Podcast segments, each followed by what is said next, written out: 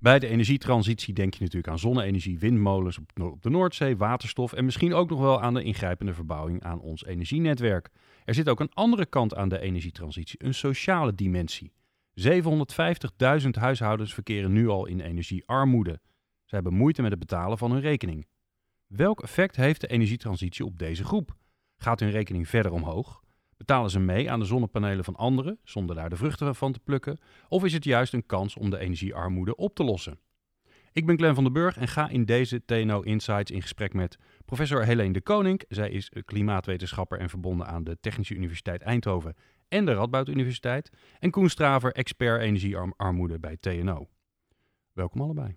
Dankjewel. Dankjewel. Ja, we zijn in Eindhoven, op de campus. Dat klopt. Hier gebeurt het. Hier uh, worden oplossingen bedacht die we zelf nog niet eens wisten dat ze er waren. Ja, en over systemen nagedacht en dat soort zaken. Ja. Maar ja, we zijn hier vandaag voor een heel uh, ja, ander onderwerp dan uh, de technische kant, juist die sociale kant. Um, Koen, energiearmoede, wat is dat? Ja, het, is, um, het heeft meerdere definities, uh, maar ik zeg altijd dat, um, dat het gaat over mensen die hun energierekening niet kunnen betalen of er dingen voor moeten laten.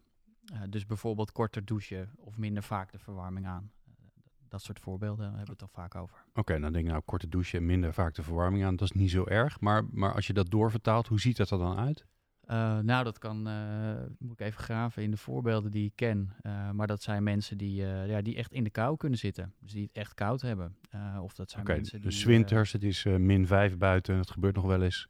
Ja, en dan? Uh, je hebt een fenomeen dat heet spatial shrinking. En dat betekent dat mensen vaak maar één ruimte kunnen verwarmen.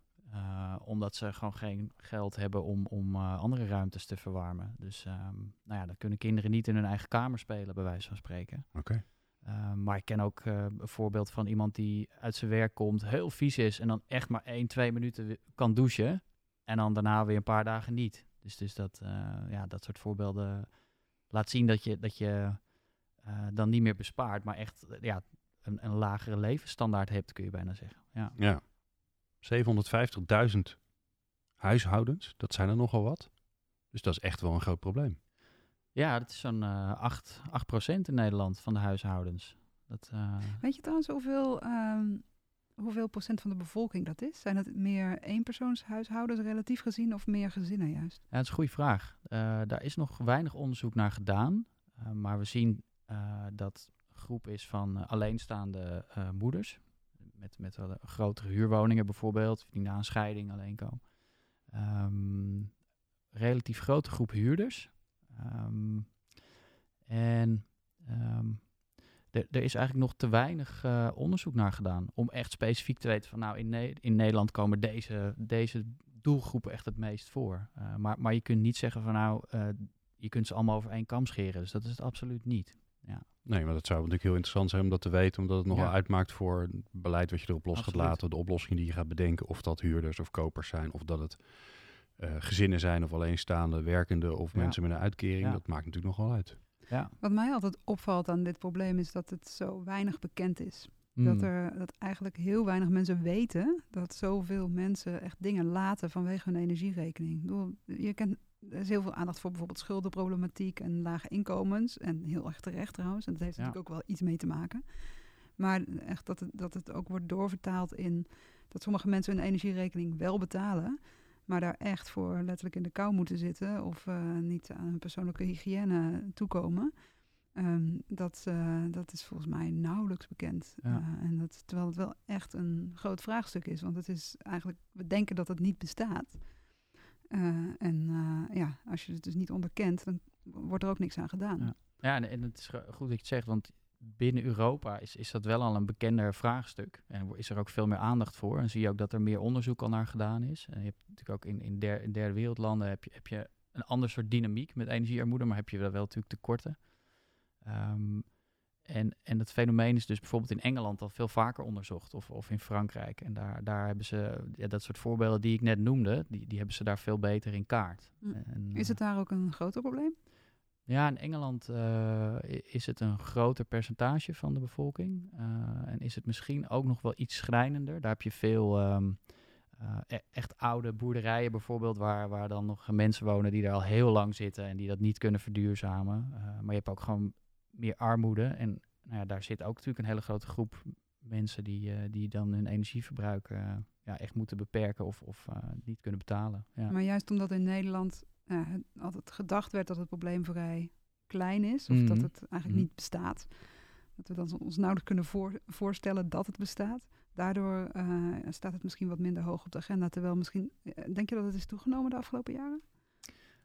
Ehm, nou, we krijgen beter. De Ecoris heeft nu eh, een jaar geleden of twee jaar geleden een onderzoek gedaan. Waarin zij stelden eh, dat het meer is dan we denken. Dus ze hebben gewoon meer data gebruikt. Waardoor ze zeggen van nee, maar het is geen eh 4, 5 procent zoals in een PBL-onderzoek eerst kwam. Nee, maar het is veel meer. Dus, dus eh, het, wordt het wordt meer omdat we meer daar onderzoek ernaar doen. Dus je krijgt het beter in kaart.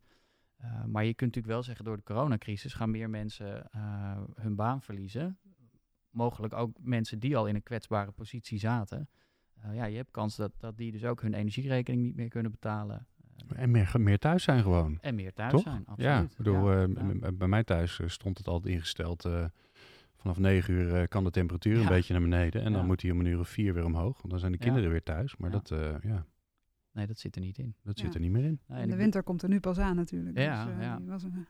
natuurlijk vooral lente en zomer gehad tot nu toe met, eh ja. met thuisblijven. Maar Helene, kom jij het eh, internationaal tegen? Jij, jij doet natuurlijk veel, eh, veel onderzoek. Eh, nou, reist, of reisde eigenlijk heel veel.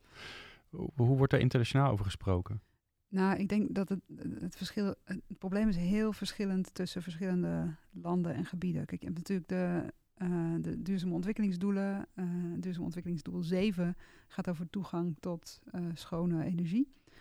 Eh, en dat gaat echt over, eh, over energietoegang. Maar dan heb je het dus over de 3 miljard mensen in de wereld die eh, geen toegang hebben tot moderne kookenergie bijvoorbeeld. Dus die op een houtvuurtje moeten koken.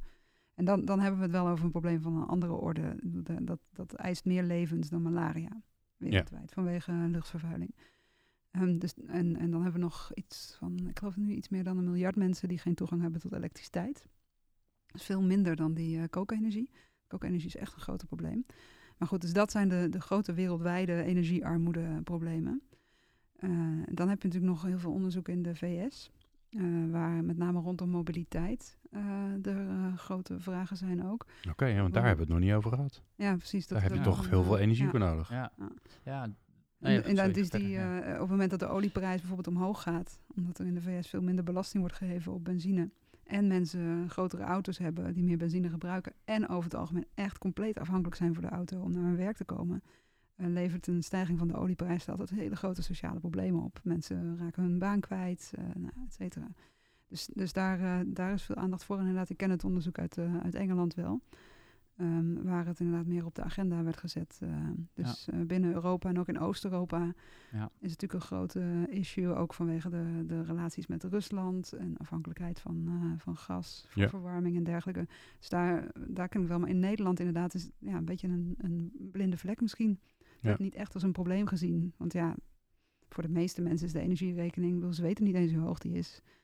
En, en eh, ja, dus dat is een heel ander. Ik heb een tijdje in Zuid-Afrika gewoond en daar was het een, eh, een, ook weer een heel ander verhaal. Want daar, daar koop je eigenlijk energie met een soort telefoonkaartje bij de supermarkt. Ja. En dan een soort tikken en dat gaat er vanaf. En op een gegeven moment dat Is is, het laag en dan moet je Ja. weer een nieuwe kopen. Ja. Ja, dus, dat, eh, ja, dus daar is het weer anders, eh, anders geregeld. Ja. En Ja, Koen, eh, dat, even die, die transport, hè, jezelf Mm. vervoeren. Zeker in deze coronatijd waarbij we natuurlijk eh, het openbaar vervoer minder toegankelijk is geworden voor iedereen. Of misschien zelfs wel gevaarlijk voor het gevoel voor, voor mensen. Wat is die, die kant van die energiearmoede? Ehm, ja, het, is nog, het is nog vrij nieuw, hè? De, de, hele coronacrisis en de effecten die het heeft op kwetsbare huishoudens en hun mobiliteit. Ehm, maar bijvoorbeeld in Frankrijk zie je dat ze al langer eh, proberen te meten wat het effect is van energiearmoede eh, op, op mobiliteit. En ehm, je, je ziet bijvoorbeeld ook dat je, eh, ondanks dat, dat ze daar eh, wel een soort van in kaart willen brengen wat de gevolgen zijn, hebben ze daar niet de juiste acties eh, aan vastgeplakt. Waardoor je nog steeds een gele hesjesbeweging daar kreeg. Dus ehm, het is heel moeilijk om het in kaart te brengen. Maar het is ook heel belangrijk om het, om het zeg maar, te koppelen aan, aan wat je eraan kunt doen. Ja. Dus het is niet Maar helemaal... denk jij, denk je dat je het meer moet zien in, in, een, in een soort inkomens- of armoedepolitiek vraagstuk of meer in een vraagstuk. goede Want het vraag. is natuurlijk heel erg gerelateerd aan armoede. Ja, het is vaak een, een opstapeling van, Ja. van problemen waar dan ook de energierekening een rol in, eh, in, in- speelt. Dus je zou zeggen dat je met armoedebeleid ook het Mhm. energiearmoedeprobleem zou kunnen Ja. eh, oplossen. Ja, nou, en deels doen we dat in Nederland ook. Dus, dus eh, we krijgen bijvoorbeeld korting op de energiebelasting. Dat is dan weer de energiekant, waarbij we zeggen, nou iedereen, iedereen in Nederland, dus 8 miljoen huishoudens, krijgen in ieder geval een soort basispakket aan energie wat gratis is. Waarbij je kunt afvragen of iedereen dat nodig heeft. hè. Ja, dus daar wordt niet geniveleerd. Dat is gewoon voor iedereen. Nou, dat kan je doen. En er zijn eh, andere landen ehm, die zeggen nee, het is inderdaad een, een, eh, een sociaal eh, domeinprobleem. Dus we, we benaderen dat vanuit de sociale kant. Ehm, maar vanuit de whitepaper die we hebben geschreven, eh, zeggen we eigenlijk met, met een groep onderzoekers uit, eh, nou, uit Engeland, uit eh, Spanje, maar ook uit, van de Universiteit Groningen. ehm, vliegt dat nou aan vanuit die verschillende domeinen? En dat gebeurt eigenlijk nog bijna nergens. Dus dat je zegt, kijk nou naar, naar de sociale problematiek die erbij hoort. En kijk naar de oplossingen die je kunt, kunt doen. Maar ook eh, vanuit de energiekant. Dus, dus, dus kijk ook naar het verduurzamen van huizen. Want dat, dat is ook een onderdeel van het probleem. Nou, dat, dat brugje wil ik even maken, hè, want het, het probleem is er dus. Ja. Nu krijgen we, we zitten eigenlijk midden in de energietransitie met alle gevolgen van dien. Ehm, eh, ik moet natuurlijk gelijk aan mijn eigen elektrische auto denken, waarvan, die voor mij als eh, ondernemer heel interessant is om te gaan rijden. Ik denk dan wel, ja, daar betaalt uiteindelijk iedereen een beetje aan mee in de belastingen. En dat ding, eh, nou, ik moest al behoorlijk rekenen om te kijken van, is dat nou wel of niet eh, eh, interessant, los van het feit dat ik het graag wilde. Ehm, maar dat is denk ik voor mensen die, die last hebben van energiearmoede, zijn dat helemaal geen vraagstukken. Zelfs zonnepanelen investeren, dat is er natuurlijk niet bij. Ook al weet je dat het rendement er is. Dus, dus verergert die energietransitie dit probleem eigenlijk alleen maar. Ja, ik denk als we niet nu daar heel alert op zijn, dat dat wel zo kan zijn, ja. ja dat je, je wil niet dat de energietransitie zorgt voor een grotere welvaartskloof. Dus, dus vandaar ook dat ik, dat ik eigenlijk zeg van, nou ja, breng nu in kaart waar mensen nu staan met energiearmoede. En, en hou dat ook, meet dat ook op langere termijn, om te zien of die groep niet groter wordt. Inderdaad. Ja. Ik Ja. denk dat je heel veel kunt doen met, met beleid. En je ziet het natuurlijk ook al wel met eh, woningbouwcorporaties. Hè, die, ehm, je zei dat een relatief groot aandeel van de mensen met energiearmoede woont in een huurhuis. Ik weet niet hoe groot het aandeel is van mensen die in een huurhuis van een woningcorporatie eh, zitten. Mhm. Eh, want die zijn wel echt bezig met, met verduurzaming. Klagen wel dat ze daarvoor te weinig eh, ruimte hebben. Vanuit, ja, omdat ze ook reserves moeten hebben om ja, niet de, de fles te gaan. Ja. Ehm, ook heel belangrijk natuurlijk. Eh, maar daarmee voelen ze ook een barrière om die energietransitie eh, te... Daar zit natuurlijk wel een oplossing. Want als je dat Ja. met die ja, grootschalige uitrol van verduurzaming zou kunnen doen via die woningbouwcorporaties, dan heb je in ieder geval een forse groep al Ja.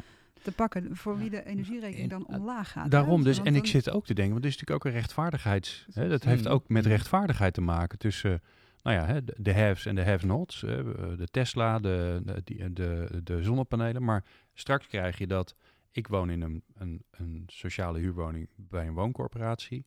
Nou, de huren zijn meestal een stuk lager dan of als ik dat gewoon op de vrije markt moet doen. Dus ik heb de mazzel dat ik daar woon. Wordt ook nog eens een keer mijn huis verduurzaamd. Hoef ik niet in te investeren. Ga ik misschien wel nul op de meter. Moet ik misschien iets meer huur betalen. Maar daar ga ik er dus ook op vooruit ten opzichte van mijn, nou ja, eh, iemand die in dezelfde situatie zit, die in een, in een, eh, in een eh, commercieel huurhuis woont.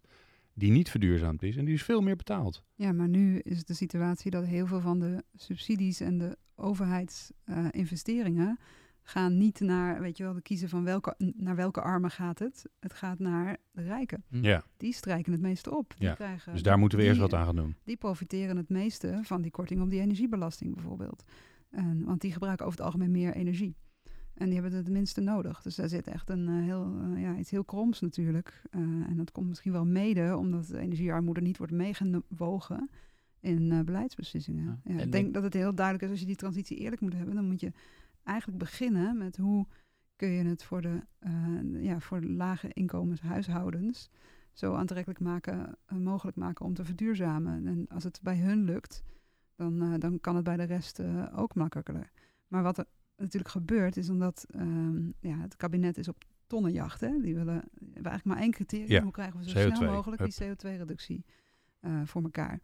En ja, dan, dan ga je natuurlijk kijken naar de plekken waar het meeste wordt verbruikt. En dan kom je dus eerder bij hogere inkomens terecht dan bij lagere inkomens. Ja, dus wat dat betreft, de kostenefficiëntie is een beetje een, eh, ja, een, een, een, een- ja dat, dat weegt bepaalde dingen niet mee. En daarmee kreeg je dus dit soort, dit, dit soort problemen misschien worden vergroot. En dat daarmee ook het draagvlak voor de energietransitie verdampt. Aha. Want dit zijn ook de groepen die over het algemeen denken van ja, ik heb andere problemen en daar wordt gewoon niks aan gedaan. Ja, nou, het is wel go- goed dat je zegt dat ehm, als je kijkt naar oplossingen en, en energieefficiëntie, eh, wat je bijvoorbeeld zou kunnen doen als woningcorporatie, als je een energiearmoede doelgroep in kaart hebt, dan kun je kijken, oké, wat welk bezit wat je hebt aan woningen eh, is er het slechtst aan toe, is het minst energie-efficiënt, en waar zit de doelgroep die het het hardst nodig heeft, ga je daar beginnen. Dus dat, dat geeft Ja. ook al een indicatie van, je hebt gewoon eh, die definities of, of die monitoring, die heb je nodig zodat je veel gerichter kunt, eh, kunt verduurzamen, juist voor die eh, doelgroep. Dus Ja, want eh, mijn conclusie eh, eh, voorzichtig is... als we niks doen, dan gaat die energietransitie zoals die nu eh, eh, zich ontwikkelt... ervoor zorgen dat energiearmoede misschien alleen maar erger wordt. Mhm. Is het ook een mogelijkheid om het om te draaien? Om te zeggen, ja, maar die energietransitie biedt juist de mogelijkheid... om energiearmoede te verkleinen of misschien wel op te lossen. Ja, dat eh, denk ik wel. Eh, en je ziet ook dat heel veel gemeenten zijn in Nederland ook al daarmee bezig. Dus ik, ik ken zelf wel 30, 40 gemeenten die echt gericht energiearmoede eh, aanpakken. Geef eens een voorbeeld. Nou, in Amsterdam heb je zeker twee of drie projecten waarbij energiecoaches langs de deur krijgt. Dat zijn mensen die zijn daarvoor opgeleid. Dus die, zitten, eh, die hebben een afstand tot de arbeidsmarkt. En eh, die, die kunnen dan soms ook doorgroeien in een baan bij de installatiebranche, et cetera. Dus je, je hebt eh, werkgelegenheid creëer je. Eh, er zijn gezinnen of, of huishoudens die hebben veel aan zo'n energieadvies. Ehm, en je hebt ook projecten in Amsterdam die eh, energiecoaches die kijken ook naar de staat van de woning. En die zeggen, hey, volgens mij is deze schimmel eh, komt door achterstallig huuronderhoud. Dus je kunt hiermee naar de huurcommissie. Dus dan zie je al dat je best wel veel verschillende eh, elementen aanpakt van dat probleem. Ja, dus dit zit er me- meer op zeg maar, het advies en de, en de kenniscomponent. Hè? Überhaupt beeld hebben van, van ja, wat kan ik, wat mag ik, wat zijn de kansen die er liggen. Mhm. Zijn er ook, heb je ook voorbeelden van, eh van want we hebben het al over ze gehad, woningcorporaties die zeggen, ja, wij, wij gaan hiermee aan de slag. Wij zien dat we daar werk te doen hebben. Ja, je hebt in, eh, in Groningen, nu weet ik de naam niet van de woningcorporatie. Dat is wel, eh wel, ja, wel zetten we in de show notes. Ja, dat is goed. Eh, die heeft zijn ehm, eh, grootschalig onderhoud, hè, wat, je, wat je op lange termijn plant. Die hebben dat naar voren gehaald voor de groep waarvan ze hebben gezegd... Hey, die hebben energiearmoede, wat ze dan hebben laten uitzoeken door KAW, architectenbureau. Die heeft die doelgroep daar lokaal in kaart genomen. En toen heeft die woningcorporatie dat, dat dus gedaan. Dus nou, Ja, ja. dat is een Ja, dus in ja. plaats van alleen maar op technisch of op eh, planmatig zeggen van nou die doen we eerst, hebben ze sociaal gekozen eigenlijk. Ja, ja. ja Dus je ziet nu eigenlijk dat er gemeenten mee aan de slag zijn, sommige woningcorporaties. Mhm. Ho- Hoe maak je dat soort eh, initiatieven nou meer structureel? Ja, dat is een hele goede vraag. En je ziet dat zelfs provincies daar nu al aandacht voor hebben. Dus er zijn, eh, de provincie Utrecht heeft al onderzoek laten doen naar hoe groot is eigenlijk die groep van energiearmoede binnen mijn provincie en wat kan ik daaraan doen. De provincie Zuid-Holland is daar eh, mee bezig. Eh, de provincies, de drie noordelijke provincies hebben daar ook al geprobeerd op samen te werken. Dus op dat niveau wordt het ook al zeg maar, erkend. Maar als je nationaal beleid hebt, dus je laat, je laat zoals we in die whitepaper zeggen, je, je zet een monitoring op, dan krijg je ook structureel aandacht voor het onderwerp.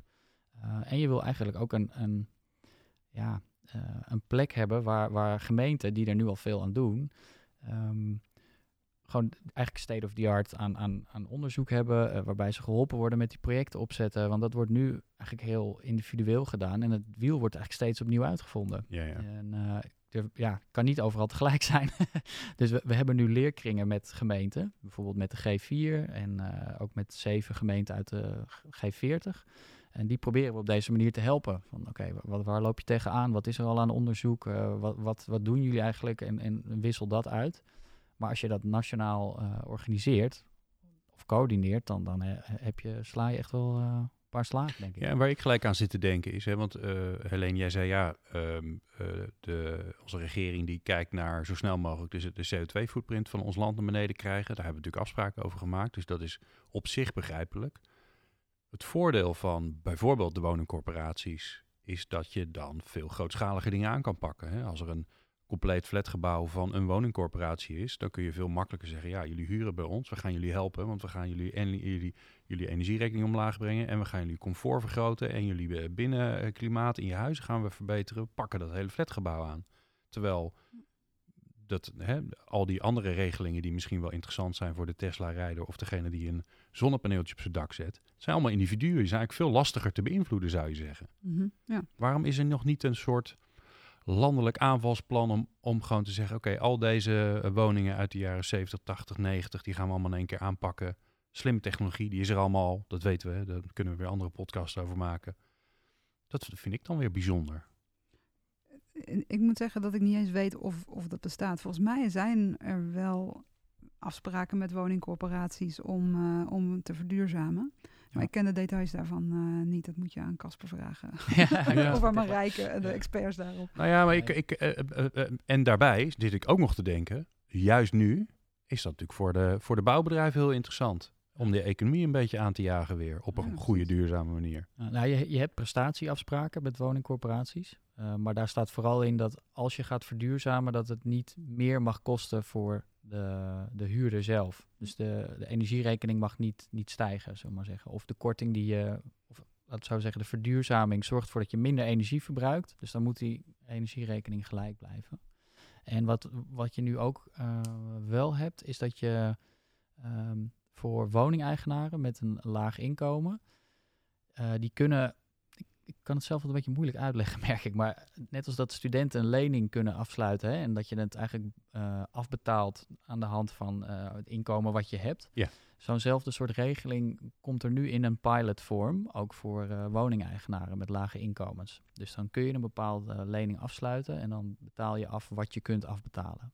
Maar dat is nog niet echt voor iedereen beschikbaar. Ja. Of, of je kunt een zo, naar zo'n soort constructie dat je uh, dat iemand anders voor jou de investering doet.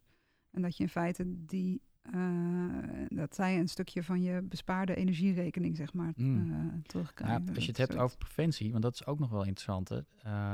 zoals ik net noemde, bijvoorbeeld schimmel en vocht, dat, dat kan zorgen voor astma.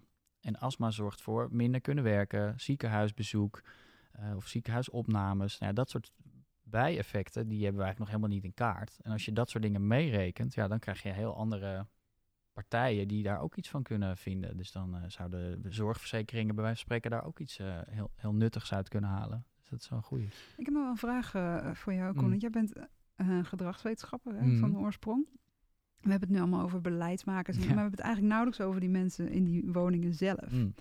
Waarom komen zij niet massaal in opstand tegen hun verhuurder? wat, bedoel, zij hebben er zelf heel direct belang bij, zou je zeggen? Ja. Of staat het niet bij hun op de... Zij, zij zitten in die 16 graden huizen. Ja, ik denk dat, uh, dat vaak hebben mensen die, die in een kwetsbare situatie zitten, die hebben gewoon heel veel aan hun hoofd. Waarbij energieverbruik niet de eerste is. Uh, of nemen het voor lief, omdat het gewoon zo is. En ze weten dan ook soms niet um, hoe anderen hun kunnen helpen. En, en binnen die groep is er ook een deel die echt wel weet hoe je energie kunt uh, besparen hoor. Er zijn echt wel uh, Spartaanse uh, huishoudens die meer van energiebesparing weten dan, dan jij en ik. Um, maar, maar dat is energiebesparing door het in te boeten aan comfort. Ja, dus ja. niet energiebesparing door een investering te doen, nee, nee, te isoleren. Ja, ja. ja. Dus maar dus, juist dat gedrag zit eigenlijk wel goed.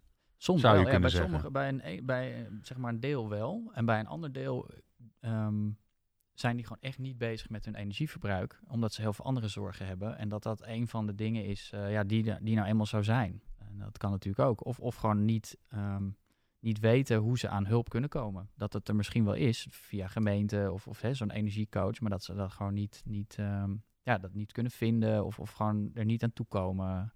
Ja, um, en, het, en het ook misschien niet eens als uh, ja, misschien moet je het ook niet al hulp framen, zeg maar, maar meer van uh, wat in jouw energiesituatie, in jouw woonsituatie kun je zelf veranderen. Mm -hmm. Je had tochtstrips of uh, iets, iets onder de voordeur leggen of zo, dat, dat, dat wel. Maar er zijn ook dingen die je helemaal niet kunt veranderen. Zoals ja. inderdaad schimmel aanpakken of, of dat ja, soort dat dingen. is gewoon een structurele, ja. ja, ja, En, dan, en dan is dat, ben je niet bij machten om dat, om dat te doen, want het is gewoon niet iets waar je invloed op hebt in jouw thuissituatie. Ja. Ja, dat is een mooie, want het, het raakt ook, uh, je kunt dat ook op een hoger niveau tillen, dat je hè, energierechtvaardigheid is dan een thema wat je in, uh, in de theorie vaak hoort. En dat gaat eigenlijk over dat je, je moet een eerlijke uitkomst hebben van, van beleid of van programma of van de energietransitie. Eh, het moet een eerlijk proces zijn. Dus mensen moeten op, op de goede momenten ja, ku- kunnen meedenken of meebeslissen. Maar er zit ook een element in, dat, heet, dat is erkenning. Dus als er ergens een probleem is, of iets wat niet eerlijk is aan het beleid wat je kiest, dan moet je daar een oplossing voor presenteren. En in dit, in dit geval van die huishoudens is er niet echt een erkenning voor het probleem waar ze nu mee zitten. En dat is dus wat je, wat je eigenlijk een beetje mist. Ja, Wat niet zelf de, misschien ook niet beseffen. ja, ook niet bij de huishoudens zelf. nee, dus- precies, ja, precies. ja. Ja. Ja, zo, eh, Een van de dingen die nog door mijn hoofd spookt, eh, hè, want eh, we hebben het er toch alweer snel over, er moet geïnvesteerd worden. En dat voelt dan heel zwaar. Er zijn best wel veel investeringen als het gaat over energiebesparing of als de eigen duurzame opwek, waarvan we weten, eigenlijk moet iedereen dat gewoon doen. Eh, muren isoleren, als je spouwmuren hebt, moet je gewoon morgen doen, want het levert gewoon geld op, op lange termijn. Maar dan moet je wel kunnen investeren en je moet invloed hebben. Eh, Hoe kunnen we ervoor zorgen dat dat soort beslissingen, dat daar mensen met energiearmoede bij geholpen worden? Want dat kan, hè, dat kan ze morgen helpen als, we daarmee aan, als ze daaraan zouden kunnen beginnen. Mhm. Ehm, nou, soms wordt dat al opgenomen in de programma's van gemeenten. Dus als ze aardgasvrije wijk aanpakken of verduurzaming binnen straten of, of wijken, dan, dan wordt daar soms al rekening mee gehouden. Ehm, ja, ik moet daar even broeden, want het is best wel een grote vraag. eh, die, die, die best wel veel omvat. Dus het, het zit in. ehm, Maar kunnen bijvoorbeeld, hè, want ik heb daar wel eens met banken over gesproken. Ik zei, Hmm. jullie moeten dat gewoon makkelijker maken. Je weet dat een zonnepaneel levert gewoon rendement op. Dus waarom ga je niet gewoon naar iedereen in Nederland toe en zeggen, joh, wij, wij, kunnen, wij financieren ze voor voor jullie. We nemen een deel van, de, van het rendement en de rest is voor jullie. Dan hebben we toch gewoon een fantastisch probleem opgelost.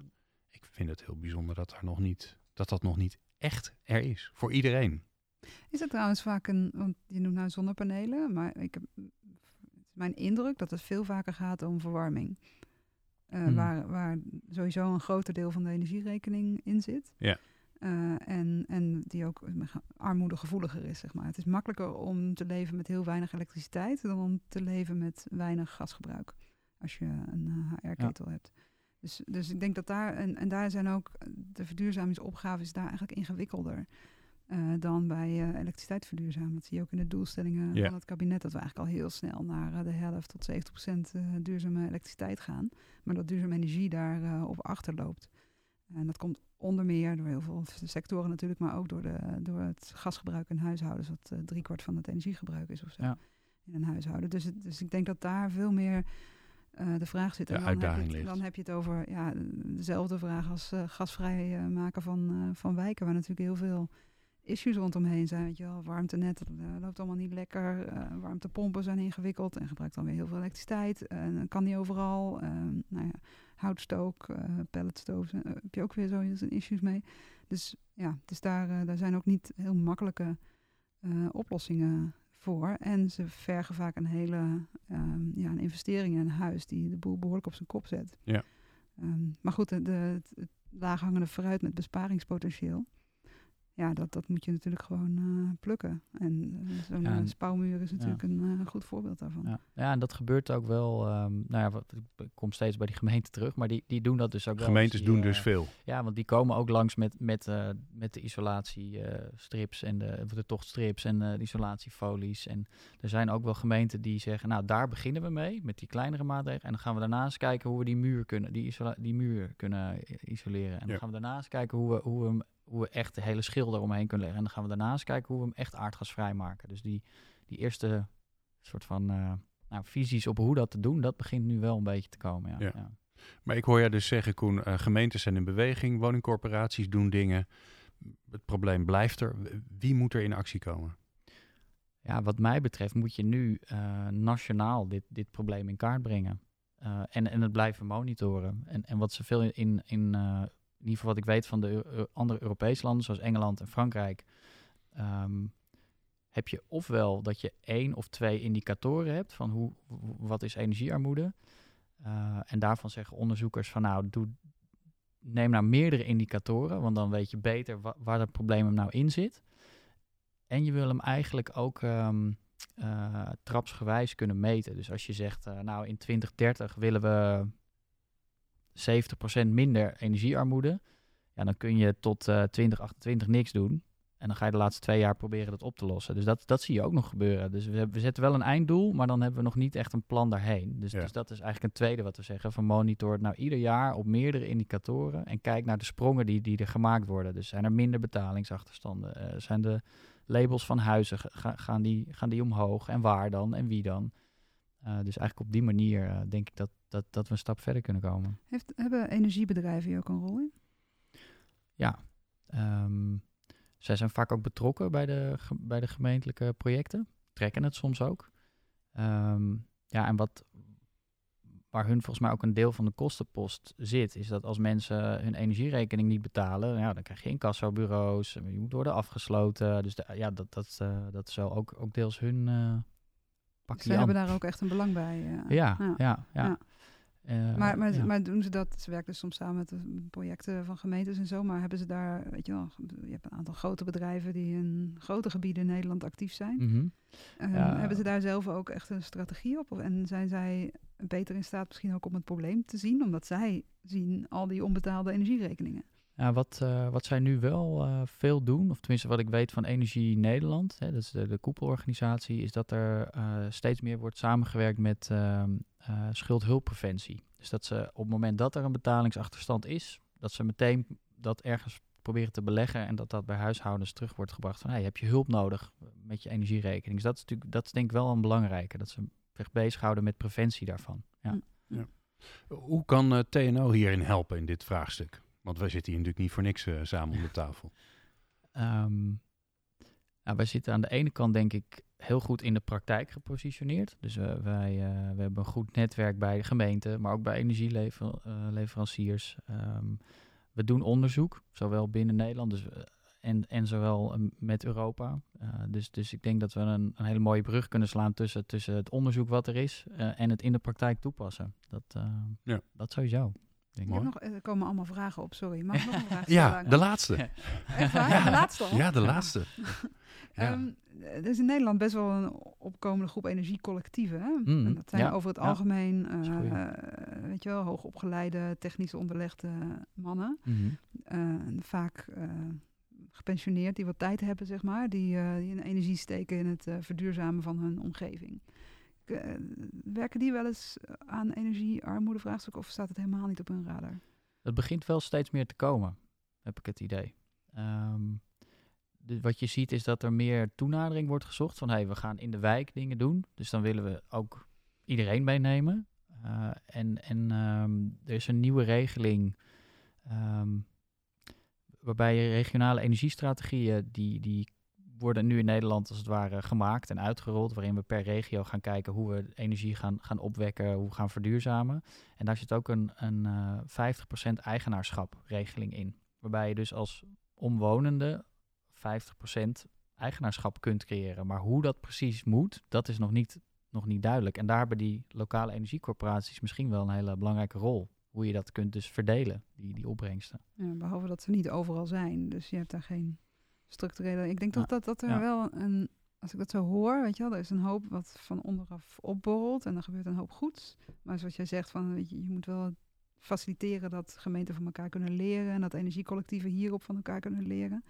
Dat ook andere groepen dan alleen maar eh autochtone Nederlanders worden bereikt. Ehm, maar tegelijkertijd, ja, we hebben het vooral over wat er vanuit de samenleving kan komen. Maar er moet ook echt wat vanuit de centrale overheid komen. Behalve alleen maar data, maar ook gewoon structurele prikkels om het, eh, om het, om het goed te doen. Woningcorporaties moeten in staat worden gesteld. Misschien die energiebelasting eh, wat meer denivelerend zijn. En ja, dat, dat soort vragen die liggen duidelijk bij de nationale overheid. Dus daar zitten, die gaan zeker niet vrij uit in dit probleem aanpakken. Dat, eh, dat is, eh, Volgens mij heb je het prachtig samengevat, alleen. Ja, graag gedaan. Ja, ik dank jullie zeer. Eh, professor Helene de Koning van eh, onder meer de Universiteit Eindhoven. Ja, iedereen doet tegenwoordig zeven dingen tegelijk. Dat is altijd lastig in de, afko- in de afkondiging. En Koen Straver eh, van TNO. Jij natuurlijk bedankt voor het luisteren naar deze aflevering van TNO Insights. De whitepaper over energiearmoede die is gratis down te loaden op tno.nl. En wil je nou meer podcasts luisteren over de energietransitie? Zoek dan op TNO Insights op jouw favoriete podcastplatform.